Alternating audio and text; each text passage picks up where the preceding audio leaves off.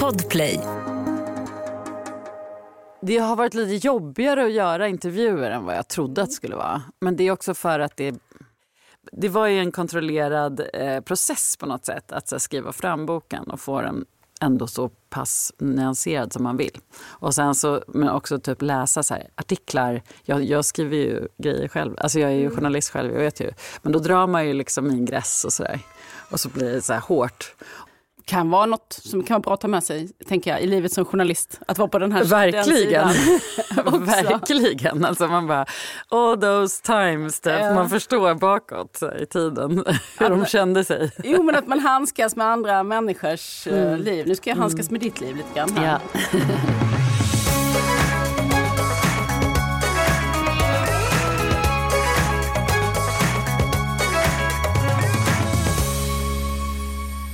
När du dör ska jag vara nära.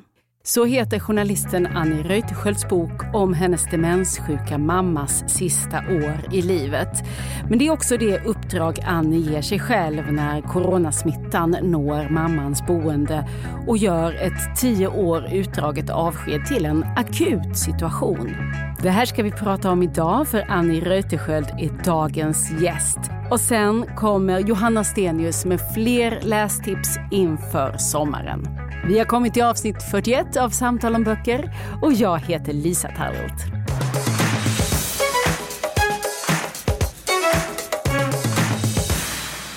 Välkommen hit till Samtal om böcker. Tack så mycket. Journalist är du till vardags, just nu mitt emellan jobb. Mm. Profilerad på Svenska Dagbladet fram till nu i, bara här om för några veckor sedan. Och så mm. blir det Dagens Nyheter efter sommaren. Precis, i augusti, mitt i valrörelsen. Ja, för det är det som är verkligen, nu är det högtidstid för dig, för du bevakar ju svensk inrikespolitik. Mm. Precis, så nu får jag lite ledigt här mitt i. Ja, ledigt och ledigt. Du har ju lanserat en bok då, eller skrivit en bok och nu håller den på och nu är du ute och pratar om den. Och, och det är ju det jag också vill prata om. Jag tänkte inte alls att vi skulle prata svensk politik idag. Det här är ju en väldigt personligt skriven berättelse. Den är i dagboksform delvis, från vår, vinter till höst 2020. Och sen är det också blandat med återblickar på din uppväxt och på de tio år som din mamma levde med Alzheimers. Hon var ju bara 63 år när hon fick sin diagnos, mm. vilket är väldigt ungt får man säga. Ehm, men när du börjar din berättelse, den här boken, då skriver du att ni, du och dina bröder, att ni har vant er vid den här verkligheten. Ni har vant er vid det utdragna avskedet. Och eh, när vi kommer in i boken så är det februari 2020 och eh, vad är det som händer då? Varför låter du berättelsen börja där? Ja, alltså det är ju någonstans där eh, mellan februari och mars tror jag som besöksförbudet sätts in. Först faktiskt på mammas boende och sen så var det ju en nationell regel.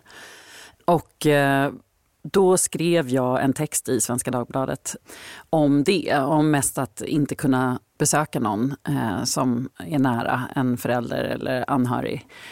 Och då började den här historien på något sätt bubbla i mig. Eh, mycket på grund av eh, alla mejl jag fick mm, från andra som är anhöriga till eh, Alzheimer-patienter.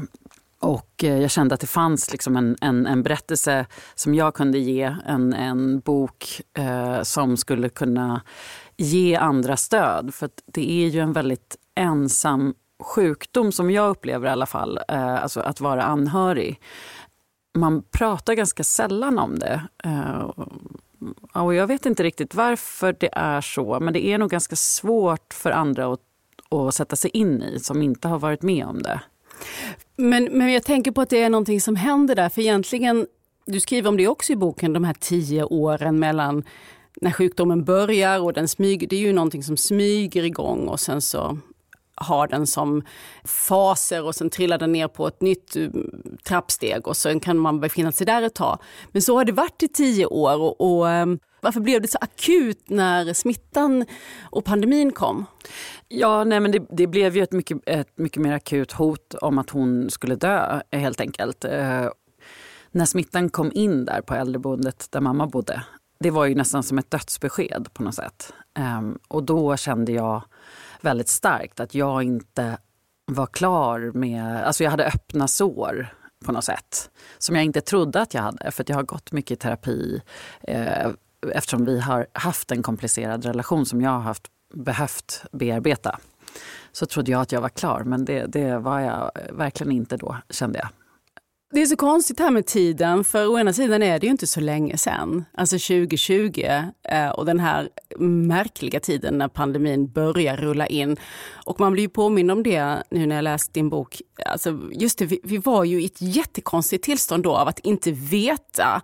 Och det fanns liksom, man kunde pendla mellan verkligen hopp och förtvivlan, de värsta skräckscenarierna till att det här kanske, det här är över om några veckor. Hur tänker du själv tillbaka på den här vårvintern 2020 nu? För det är både länge sedan och inte särskilt länge sedan på något vis. Ja, verkligen. Det är intressant hur minnet eh, funkar. Det är som att man har glömt bort den där akuta rädslan som faktiskt fanns där i början när ingen riktigt visste vad det här skulle ta vägen. Och jag tror också att för egen del så hände ju någonting där ungefär samtidigt. Eh, en fotograf på Svenska Dagbladet eh, fick corona och dog av det eh, ganska tidigt i, pandemi, i pandemin. Och det gjorde liksom att allting blev på liv och död på något sätt och, och, och, väldigt, väldigt nära. Så jag gick nog runt i en allmän känsla av rädsla och stark oro um, som, som säkert påverkade liksom hela mitt sinnestillstånd även med mamma. Jag kommer ihåg att det kändes som ett ett, ett hot som liksom var överallt runt omkring en på något sätt. Att det liksom inte gick att värja sig. Och så kände jag också med viruset, att det, att det liksom bara lurade runt hennes hem och att det kunde sippra in överallt. Och att det, liksom, det, ja, det var en helt eh, skyddslös eh, situation på något sätt. Och så kunde jag inte träffa henne. Um, så det var liksom en, också en brist på kontroll. Ehm. Du blir ju helt beroende av kontakten med de som jobbar på boendet och framförallt en tjej är det som har ansvar för din mamma. Mm. Som blir din enda kanal till din mamma för ni kan inte, hon kan inte ha några samtal över telefon eller Facetime eller så. Mm. Och det skriver du också om. Och sen den här tanken som har blivit bokens titel, När du dör ska jag vara nära. Hur kommer den till dig? Berätta vad det handlar om. Ja, men det var när jag hade fått ett mejl till slut då om att de ändå hade fått in eh, smittan på boendet. För det tog ett tag. De, de klarade sig liksom, och så började man kanske hoppas att det, det kan det gå. Men så fick jag det mejlet att nu har vi ett, en, en boende som är smittad. Och Ja, det kändes som ett eh, dödsbesked för det kändes helt oundvikligt att mamma skulle få eh, corona då. Och eftersom hon hade varit dement länge och, ändå var ganska svag eh, för sin ålder eh, så eh, tänkte jag att hon kommer aldrig överleva det. Det var bara så tydligt för mig att det var så mycket ouppklarade känslor inom mig kopplade till mamma. Och att jag kände mig på något sätt långt ifrån henne känslomässigt. Mm. och jag kände en längtan också efter henne um, som jag kände igen från när jag var liten. Och då på något sätt så, så fick jag den där tanken i huvudet att jag, jag ska vara nära. Uh, jag ska inte känna så här när du dör. Och då insåg jag att jag måste bearbeta det uh, mer. Men kanske inte riktigt hur. Ja. Jag har, när jag läste din bok så kom jag att tänka mycket på det där vad vi menar med att vara nära. Och närhetsbegreppet, det är så vi säger. Är du nära din mamma? Är du nära dina syskon? Mm. Och jag kan tänka mig att vi egentligen associerar eller har olika föreställningar om vad det där betyder. Vad är det att vara nära? Mm. Um, vad lägger du i det? Vad är det för någonting? Ja men det är en bra fråga. Alltså, vi har på ett sätt tycker jag då alltid haft en väldigt nära relation. Kanske för nära. Eh, hon tog ju in mig för mycket i, i sitt liksom känsloliv eller, och, och, i sina relationer och hade mig nästan lite som en terapeut från tidig ålder. Eh, eller samtalspartner liksom. Och vi har aldrig haft en kall relation. Hon har, hon har alltid varit en, en varm människa eh, som det har varit lätt att... Eh, hon har inte varit dömande. Så det har liksom, jag har aldrig varit rädd för att fråga henne någonting. Eller det har inte funnits den eh, respekten som kanske finns till en auktoritär förälder där du inte, där du inte riktigt vågar vara dig själv. Så, och det tycker jag är att vara nära, att man vågar vara sig själv med varandra. Och det hade vi alltid. Men sen just för att hon då kanske inte riktigt förstod mina behov som barn. Eller hon förstod liksom inte rollen som förälder tror jag riktigt. Utan hon kände att, att, eh, att jag skulle tillfredsställa hennes behov på något sätt på ett undermedvetet plan tror jag. Och det gjorde ju att hon skuldbelade mig för mycket som hände i hennes liv. Mm. Eh, och även att jag inte gjorde tillräckligt och att jag var otacksam och, och sådär. Och det byggde för mig upp, jag var tvungen att bygga upp ett, eh, ett eh, avstånd alltså, som skulle skydda mig känslomässigt. För det gjorde för ont att bli anklagad av henne för att till exempel då inte bry mig om henne när, när jag hade brytt mig om henne hela, hela mitt liv. Mm. liksom, för mm. mycket. Um, för vad som är hälsosamt tror jag för ett, för ett barn i den åldern. Um, så då började jag gå i terapi från 15 års ålder ungefär. Försökte trockla mig igenom alla liksom, ouppklarade händelser och, och känslor och sådär. Och då, det blev enda vägen för mig att eh, inte förvänta mig allt från henne. Alltså det, jag, jag, var tvungen att skära av mig själv lite känslomässigt. Mm. Så, och, så det är väl det avståndet jag på något sätt eh, menar. Um, jag tror att närheten ligger i den um, hundraprocentiga tilliten och, och, tryggheten. Om du känner det med, med din förälder, då är du nära. Och om du inte känner det så är du längre ifrån. Mm.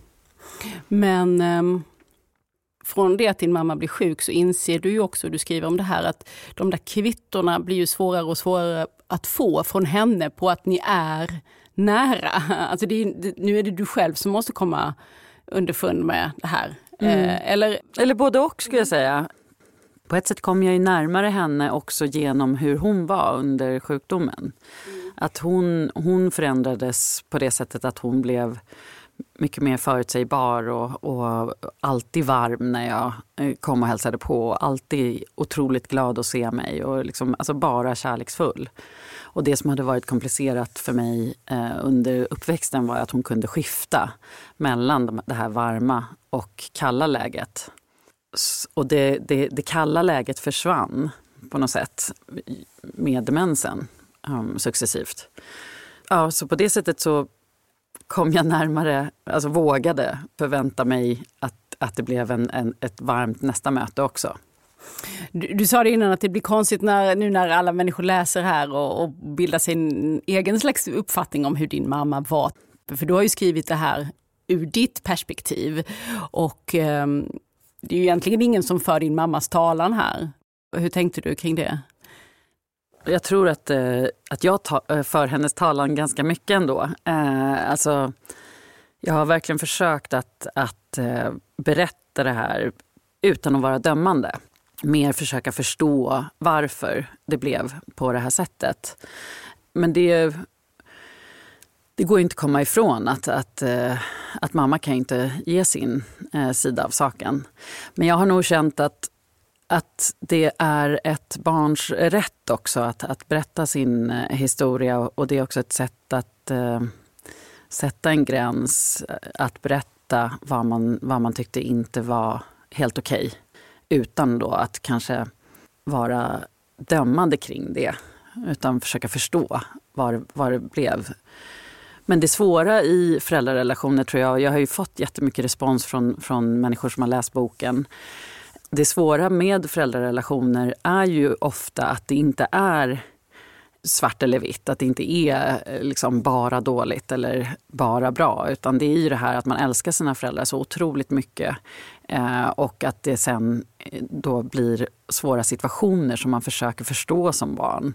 Och det som man plockar upp som läsare här utan att kunna ge någon fullständig analys av hur din mamma var så förstår man ju ändå att det har ju varit ganska oroligt så tillvida att det har varit många relationer, flera äktenskap eh, och ännu fler relationer, många flyttar, en slags rastlöshet och svårt att eh, känna sig tillfreds med, med livet och där har du och dina bröder uppenbarligen liksom kommit i kläm. Mm. Eh, det är väl någon slags ändå bakgrund till den här situationen och att och dina föräldrar skilde sig när du var ganska liten. Mm. Och jag tänker på det att när hon då blir sjuk och sjukdomen blir allt, tar över allt mer så lugnar ju också allting runt henne ner sig. Mm. Är det, det, det är lite det du beskriver, när det, det, då går det liksom att möta henne. Ja, När precis. hon inte behöver stirra runt med allt eh, annat i livet som hon vill ska fungera. Nej men precis, så är det verkligen. Och, och, och samtidigt är det då lite annan person. Mm. Eftersom det är inte riktigt och hon då. Men, men, men just, just det att man inte behövde jaga efter henne på något sätt. Eh, gjorde det också eh, lugnare. Och, och, hennes sista år, alltså innan hon, hon eh, blev sjuk i Alzheimers eh, sjukdom så eh, var det lugnare också. Så min lillebror har ju haft en annan uppväxt kan man säga ändå.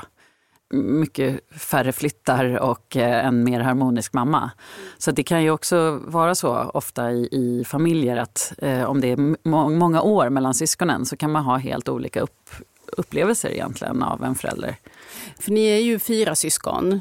Du har tre bröder och ni har haft ganska olika, ni har både haft olika erfarenheter av att leva med er mamma men ni hanterar också den här situationen med eh, coronasmittan och liksom det annalkande slutet ganska annorlunda. Hur har du hanterat det och att också försöka berätta om det nyanserat? Mm. Det var det svåraste tycker jag nästan mer än, än eh, hänsyn till mamma, så hänsyn till mina bröder som inte har bett om att få vår livshistoria eh, liksom, berättad i en bok. Ehm, men jag tror också att det är viktigt eh, att berätta om syskonrelationen. Den är inte så berättad i eh, litterär form. Ehm, och jag tror att ehm, det jag har försökt att göra är att visa på hur otroligt frustrerande det kan vara när man inte sörjer på samma sätt och när man inte visar det på samma sätt. Men också vilken styrka det är ehm, att ha syskon i såna här situationer. Du skriver att du är frustrerad över att dina äldre bröder som dessutom bor utomlands, att de, har liksom, de är på visst avstånd från det här. Det är inte de som behöver åka till det här ålderbo, eh, demensboendet. Men du skriver att du, eh, du är frustrerad över att de verkar acceptera situationen, att de har så rationella svar. Du skriver att det är som att min brors lugn tränger undan rätten att vara ledsen. Är det så du har fortsatt eller kom, kunde du använda dig något av din brors lugn och acceptans? Jo, men eh, det kunde jag också. Eh, verkligen. Och, och, de är ju tre och, och, vi har lite olika relation och sådär. Men, men, eh, men det är, jag vet inte om det liksom, man ska bli så här biologistisk och män och kvinnor och sådär.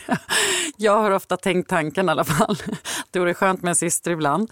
Men, eh, men jag har nog inspirerats av dem också eh, på ett sätt. Men att, att liksom, okej, okay, Alltså det kan vara bra i en sån här sorglig eh, situation att faktiskt vara lite mer matter of fact och lite mer alltså att acceptera.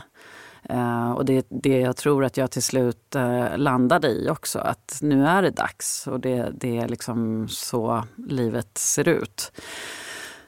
Men just det här att få vara väldigt upprörd över någonting och, och väldigt ledsen eh, är viktigt, tror jag, utan att beskrivas som att man är hysterisk eller att det är onödigt eh, att vara ledsen och sådär. För det, det här skulle ändå hända och så det, det där tycker jag är intressant att tänka på. Vad, hur mycket man ska sörja och vad och varför och om det är viktigt. Jag tror ju att det är viktigt att, att känna alla de där känslorna ändå.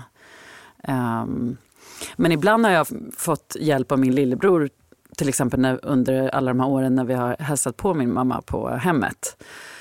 Så har jag nog ibland kanske hamnat i att älta det lite, lite för mycket. Så det hjälper liksom inte någon. Och min lillebror, lillebror brukar säga att så här, men Annie, du, du liksom tänker på det här för mycket. Det är så här, jag går dit, jag känner mycket när jag träffar henne. När jag stänger dörren så släpper jag det. Och det är liksom, okej, okay, det kanske inte är så lätt för alla. Men det, jag har ändå inspirerats av det. Att det går faktiskt att göra så. Mm. För det handlar ju också om att inte ha dåligt samvete. Och det är som att han lyckas med det. Att han ser att det, det, vi gör det vi kan men när vi går, därifrån så ska vi inte hålla på och älta och må dåligt över situationen. För det gör bara våra liv värre. Men det hjälper inte henne. Och det tycker jag är en ganska hälsosam inställning.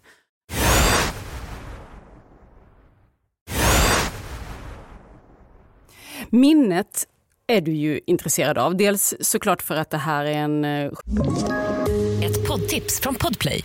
I podden Något Kaiko garanterar östgötarna Brutti och jag, Davva, dig en stor dos skratt. Där följer jag pladask för köttätandet igen. Man är lite som en jävla vampyr. Man har fått lite blodsmak och då måste man ha mer.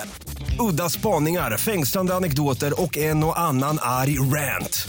Jag måste ha mitt kaffe på morgonen för annars är jag ingen trevlig människa. Då är du ingen trevlig människa, punkt. Något Kaiko, hör du på Podplay. Därför är gardinerna. sjukdom, Alzheimers, som Eh, vartefter slår ut minnet. Det är ju så brutalt den eh, drar fram som en prärieeld. Eh, men också ditt eget minne eftersom du nu ska du tittar tillbaka och du, du försöker få tag i händelser i, i barndomen och du är nere i dina dagböcker och försöker förstå vad egentligen är det du har beskrivit. Va, vad har du lärt dig om minnet av den här, av den här resan? Ja, men jag har lärt mig mycket om minnet, alltså också hur det finns en massa olika slags minnen och, och hur de funkar och, och, varför man har dem och sådär. Alltså det är ju, minnet är ju från allt till att du lär dig nya saker. Alltså det repeteras. Liksom, om du hör ett nytt ord så repeteras det i hjärnan en massa, massa gånger för att det ska fastna och sådär. Så det är ju fascinerande bara hur, hur minnet funkar.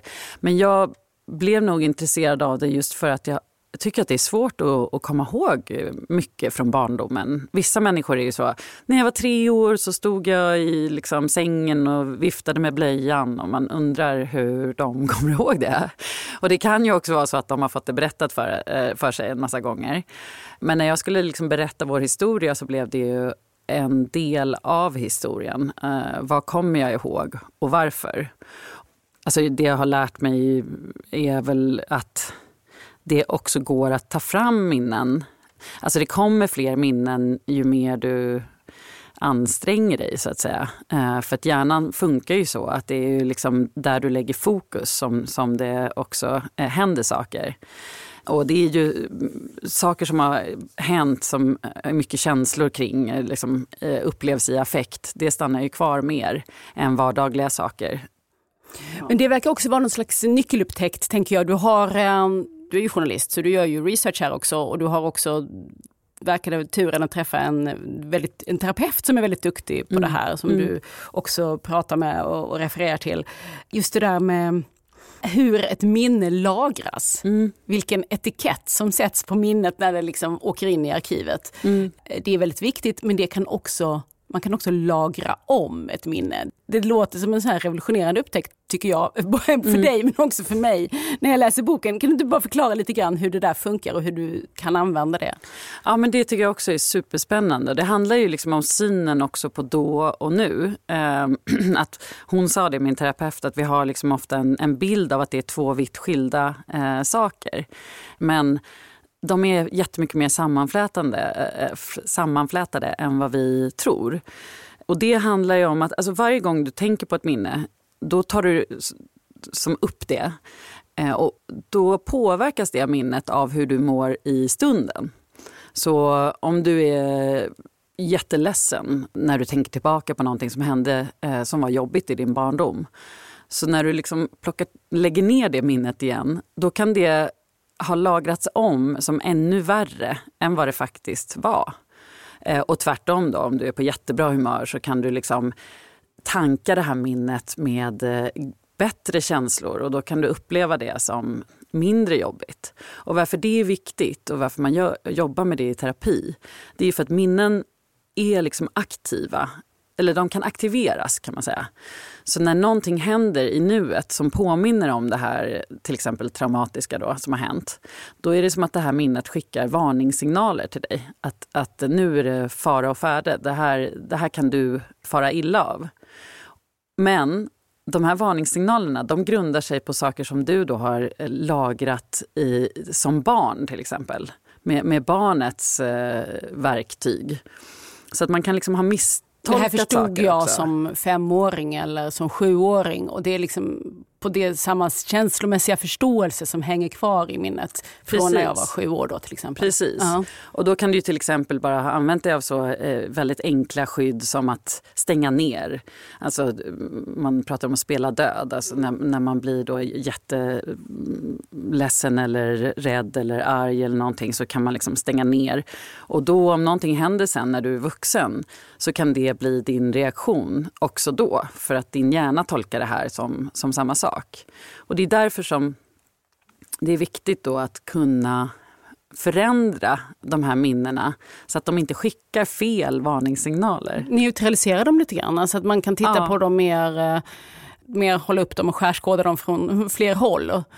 Ja, eller, eller egentligen, alltså det, det låter ju flummigt men det du gör i sån här schematerapi det är att du tankar med andra känslor. Så det är inte att du tar bort känslorna utan det är inte så att du liksom rationaliserar och förklarar vad som hände. Utan det är mer att du tankar med eh, trygga känslor till exempel. Okay. Kan Så- du ge något exempel hur det nej, har jag funkat skriver- för dig? Ja, precis. Nej, men jag, jag, jag har till exempel varit i den terapin och då har, jag fått gå in i ett minne och då måste man använda alla, alla sinnen, eller så många som går. Så man, liksom, eh, hur luktade det? Hur såg det ut? Eh, vad kände du? Och sen när man är väldigt djupt inne i det här minnet eh, tankemässigt då kan till exempel terapeuten komma in och fråga, är det okej om, om jag ger dig en kram nu? Är det okej om jag kommer in här i rummet och ger dig en kram? Och så tankar man det minnet när man inte fick en kram med en kram. Och det låter liksom eh, hittepå, men det, det, är, eh, det är vetenskap och det funkar och det har verkligen funkat eh, för mig. Så då är det, det är rätt att säga, tycker jag, som du säger, att man neutraliserar det. För då, då kommer inte, om det är framgångsrikt, så kommer inte det där minnet eh, skicka några varningssignaler nästa gång någonting påminner om det. Så att Ja, det, det är otroligt, för då tycker jag, alltså då, då flätas verkligen dåtiden och nutiden samman eh, på ett sätt som man inte tänker på riktigt. Och eh, tillbaka till din eh, målsättning här att komma din mamma nära. När du dör ska jag vara nära, heter ju boken. Eh, och det handlar ju dels om att du vill vara där när det händer. Men också den här känslomässiga närheten. Kommer du dit, tycker du? Ja, jag, jag, jag tycker verkligen att jag gjorde det. Och det betyder ju inte att jag inte ser problemen eller vad som har varit jobbigt. Eh, men jag fick ju tid på mig verkligen och det var ju jobbigt på sätt och vis att det blev så utdraget. Men för mig så var det nog ganska skönt att få bearbeta det här eh, under tiden och komma fram till någon slags försoning faktiskt. Eh, och den tror jag jag nådde genom förståelse, också genom minnet. Alltså att jag, att jag på något sätt genom att lära mig mer om minnet så har jag också förstått hur mamma då påverkades eventuellt av sin uppväxt och att eh, hennes svårigheter också beror på hur hon växte upp. För då blir det mycket mindre en känsla av att jag själv inte duger eller att hon inte älskar en tillräckligt mycket. Utan det handlar om att hon har svårigheter med eh, närhet eller ja, med annat. Då. Det kan ju hända mycket under en uppväxt som, som formar oss som människor. Men just att se det, att det inte handlar om eh, dig själv utan det handlar om omständigheter tycker jag är, är läkande. Och just att man ser, eller att jag fick syn på hennes stora kärlek som jag alltid har känt men som ibland har dragits tillbaka på ett brutalt sätt. Att få uppleva den i 100% trygghet på något sätt gjorde nog att jag uh, läkte. Uh, Och du tyckte ändå att du fick det även i hennes demens ja, alltså, nä? Ja. nästan mer då Mm, på något mm. konstigt sätt. Och det tror jag, alltså, det tror jag är väldigt viktigt. Det, det är väldigt viktigt att ha någon, en mottagare. Ehm, så det tror, jag, det tror jag hade varit svårt om hon hade dött tidigare. Då hade jag inte riktigt eh, fått den där eh, känslan av att eh, vi ändå hade mötts på, på något plan. Mm. Ehm, ja. De här åren och att skriva den här boken har ju uppenbarligen hjälpt, hör jag ju, hjälpt dig och du har fått gå igenom det här. Det är flera saker här. Det är, det är ju relationen som ni har haft och er familjesituation. Det är Alzheimers sjukdomen i sig och sen så har vi då dessutom den här coronapandemin som, som kom och eh, pressade eh, hela läget. Det ligger ju liksom lite i ramen av berättelsen. Då och då blir du rejält frustrerad på hur det fungerar på äldreboendet. Eh, är det någonting ur den liksom, hanteringen som du, som du tänker också att du behöver lyfta här? Jag tror att eh, vi har ju haft väldigt tur med, med mammas boende. Det är verkligen som du säger, jag blev jättefrustrerad vissa gånger men, men det jag försöker beskriva är också hur omöjlig situation det var för många eh, som drev ett äldreboende. Det är ju otroligt svårt att ha många sjuka människor på ett och samma ställe och försöka förhindra en smitta. Eh, så jag tror att många har haft en mycket värre upplevelse än vad jag har haft. Där har vi verkligen haft tur. Och det jag tror att jag vill förmedla är nog eh, vilken otrolig tacksamhet jag känner för, till de som jobbar eh, med våra äldre. Och att jag har lärt mig mycket av dem. Att hur de ser på de som de vårdar. Med, eh, med väldigt mycket respekt och eh, mening. Att det finns eh, ingenting som som eh, heter att något är meningslöst, att ett liv är meningslöst bara för att man eh, förlorar sina minnen till exempel. Utan det, det, alla har ett mänskligt värde som man verkligen ser där. För det ute i samhället så kan det ju bli lite så att man på något sätt nästan idiotförklarar någon som är dement. Och, och också liksom inte ser på den med samma respekt som man gör med andra. Och det tror jag också är anledningen till att vi inte pratar om det så mycket. Så att jag tror det är ingen bagatell utan det är viktigt på något sätt. att se att man lika gärna kan hamna där själv. Det vet man inte och då skulle man gärna vilja bli behandlad med, med respekt. Ja, det blir ju en, en sån här väldigt konkret när detta ställs på sin spets. Det är ju situationen när din mamma slutar äta och ni måste bestämma hur, hur, ni ska förhålla er till detta. Och personalen ska ha i uppgift då, liksom hur mycket tvång ska man utöva mm. mot en människa som inte äter av fri vilja. Då blir det ju, ja, det är ju verkligen den där typen av konkreta situationer som du och dina bröder har behövt prata om. Och det här utvecklar du i boken. Ett poddtips från Podplay. I podden Något Kaiko garanterar östgötarna Brutti och jag, Davva, dig en stor dos skratt. Där följer jag pladask för köttätandet igen. Man är lite som en jävla vampyr. Man har fått lite blodsmak och då måste man ha mer.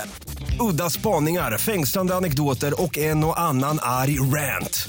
Jag måste ha mitt kaffe på morgonen för annars är jag ingen trevlig människa. Då är du ingen trevlig människa, punkt. Något Kaiko, hör du på Podplay. Därför är gardinerna. Men tänker du nu att um, å ena sidan då är det ganska nära, det är inte så länge sedan. Hon har ju gått bort, din mamma. Hon eh, dog hösten 2020. Och um, vi följde dig ju i dagboksform där under den tiden, där det här hela tiden följer dig. Hur, hur ser det ut idag? Är det fortfarande någonting som du bär med dig i tankarna? Nej, men nu när boken har kommit ut och, och när jag har gjort intervjuer och så där så har det ju kommit upp väldigt mycket mer. Um, och jag märker att det, det finns mycket kvar att känna. Uh, men jag tänker nog mycket mer på mamma nu som hon var innan uh, sjukdomen, alltså uh, Alzheimers uh, sjukdom. Och, och jag saknar mest henne som hon var när hon var bra. Och det är någonting som jag tänker också att jag skulle vilja berätta eh, för de som, som går igenom det här nu och är anhöriga. Att jag, jag tror jag var rädd för att eh, de här sjuka åren skulle tränga undan alla andra minnen. Eh, och att när jag tänkte på mamma så skulle jag bara tänka på den här gamla kvinnan som satt på äldreboendet. Men det, så har det verkligen inte blivit för mig och, och jag har uppfattat att det är, eh, inte brukar vara så. Utan att man, det är liksom resten av livet som stannar kvar med en sen. Och det kan nog vara ganska trösterikt för att det känns så fattigt på något sätt att det ska vara det som är eh, kvar sen. För det är också någonting med, med Alzheimers som är svårt tycker jag att sorgen urlakas på något sätt. Man, jag har inte gråtit sådär jättemycket alltså, över att hon har varit sjuk. Någon gång sådär. Men det är liksom, för, för det bara kryper fram och så blir det aldrig ett riktigt sorgetillfälle utan det liksom sprids ut över många år. Och det kan vara ganska svårt också. Ja, det är en konstig sjukdom att leva nära, så är det ju. Det är en väldigt eh, fin eh, scen i slutet att eh, när du skriver att du tycker hon faktiskt får tillbaka sitt gamla utseende. Mm. Ja, alltså det var ju ehm, väldigt oväntat. Men jag är glad att jag fick se henne så. Eh, och det, det, var ju när hon hade dött. Så det, och det händer väl ofta som jag förstår att man, att man slappnar av, alltså ansiktet slappnar av på något sätt. Och ser, får, man får ett lugn över sig. Men jag är glad för att det, det, det väckte någonting i mig. Alltså det väckte mamma i mig, den, hur hon kändes innan sjukdomen. Uh, och det är det man går och längtar lite efter, att, att uh, känna igen den här personen på något sätt. Så att, att få göra det en sista gång var, var väldigt fint. Svårt just då, men, men jag är glad för det nu. Det är också hon på omslaget av boken. Mm. Det är i Paris 1966 eh, och det är hennes första man, mina äldre bröders eh, pappa, då, som tar bilden. Och hon tittar ut där över gatan och, och eh, jag tror många, många kan känna igen sig i den känslan att vara utomlands någonstans och bara titta ner på gatumyller och känna någon slags förväntan. Um, det tog lång tid att, att, komma fram till hur omslaget skulle se ut. Men det kändes väldigt rätt när vi hittade det här för att eh, jag ville inte att det skulle se ut som en begravningsinbjudan. Det är en väldigt tung bok och, och, och jag tycker att det blev så fint att den speglar också liksom det varma och, och eh, vackra och, och härliga i hennes liv också. Att man inte glömmer bort det, att det inte bara blir liksom just den här eh, äldreboendevistelsen utan att det har hänt en massa saker i en människas liv. Livet var det mesta. Mm. Tusen tack Annie Reuterskiöld för att du kom hit och berättade om din bok När du dör ska jag vara nära. Tack.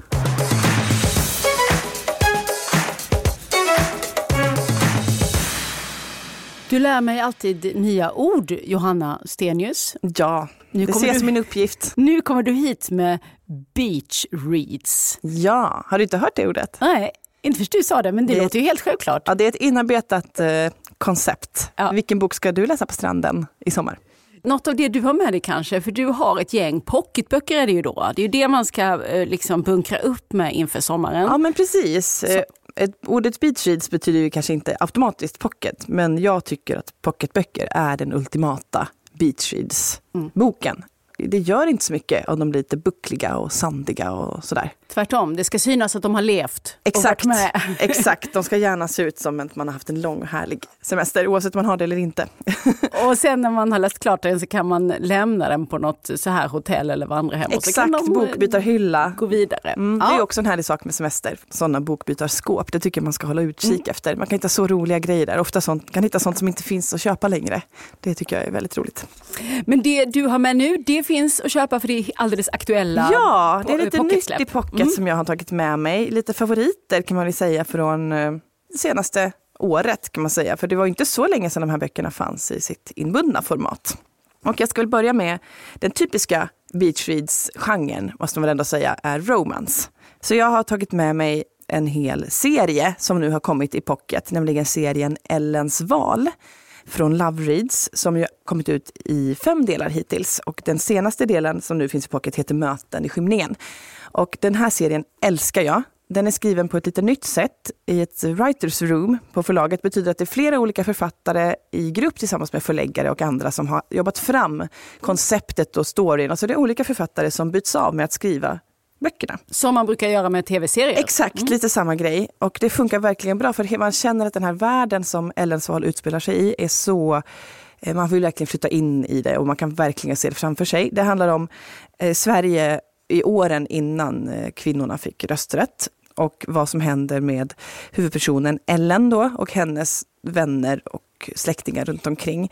Och hon, Ellen är en häftig, stark kvinna som flyttar från ett liv på landet till stan för att studera och gör en karriär inom akademin och sen också jobbar som journalist.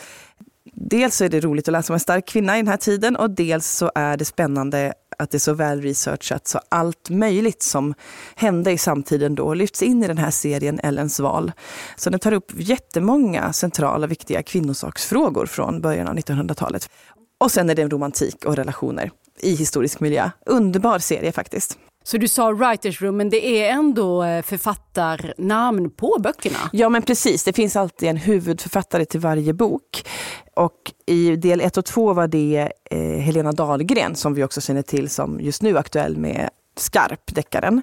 Sen i del 3, 4 och 5 så är det Moa Eriksson Sandberg som är mycket känd som eh, ungdomsboksförfattare. Och sen del 6 är det Elvira Berg som har skrivit. Så det byter av för själva huvudförfattaren men det sker väldigt eh, liksom, sömlöst.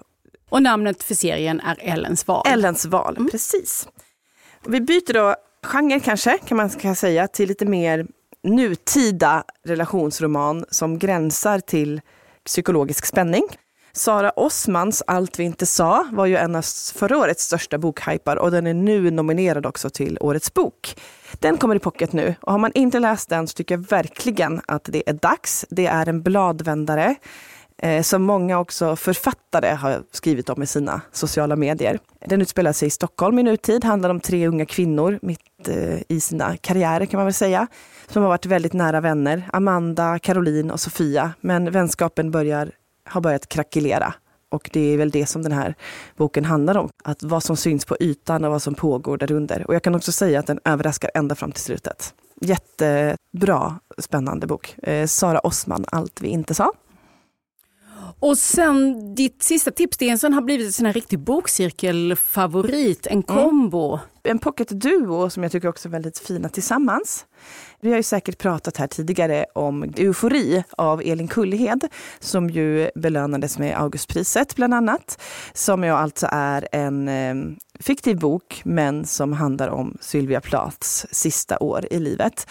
Och den är ju i sig helt magisk, den här boken. Elin har ju skrivit om Sylvia och tänkt sig in i hennes liv men ändå utgått också från sitt eget liv och sitt moderskap. Hon var ju mitt i en sorts småbarnstid när hon skrev det här och hon har själv sagt att hon hade inte kunnat skriva det under någon annan period under just den här. Och det var liksom som en brinnande behov hos henne och det märks. Språket är fantastiskt också.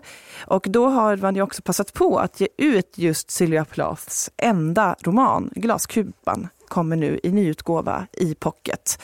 Och det är ju jättespännande att läsa de här två tillsammans. Den, glaskupan omnämns ju förstås i Eufori och eh, man får ju ändå en, en bild av Sylvia Plath som person och hennes författarskap. Så att läsa Glaskupan i kombination är jätteintressant. Skulle verkligen rekommendera att ta sig an båda samtidigt. Eller kanske inte parallellt, men den ena efter. Kanske Eufori först och sen Glaskupan. Eller jag vet inte. Mm. Båda funkar. Och detta är då allt vi har pratat om, nya pocketböcker. Ja. Eh, och eh, då som vi har lärt oss av dig, beach reads. Beach reads, ja. Tusen tack Johanna Stenius. Tack så mycket. Tack för idag. Jag hoppas vi hörs nästa vecka igen, för då ska vi prata om den svenska skogen. Journalisten Lisa Röstlund har skrivit reportageboken Skogslandet, som är en granskning av en av vår tids stora ödesfrågor vår skog och hur den bäst tas tillvara. Här råder djup oenighet ska det visa sig. Om det här ska vi prata nästa vecka i Samtal om böcker som du hittar på fredag i gratisappen Podplay, annars på lördag på alla andra ställen. Följ oss gärna i sociala medier. Där heter vi Selma Stories och jag heter ju Lisa Tallroth. Hej så länge! Har lyssnat på Samtal om böcker, en podd från Selma Stories.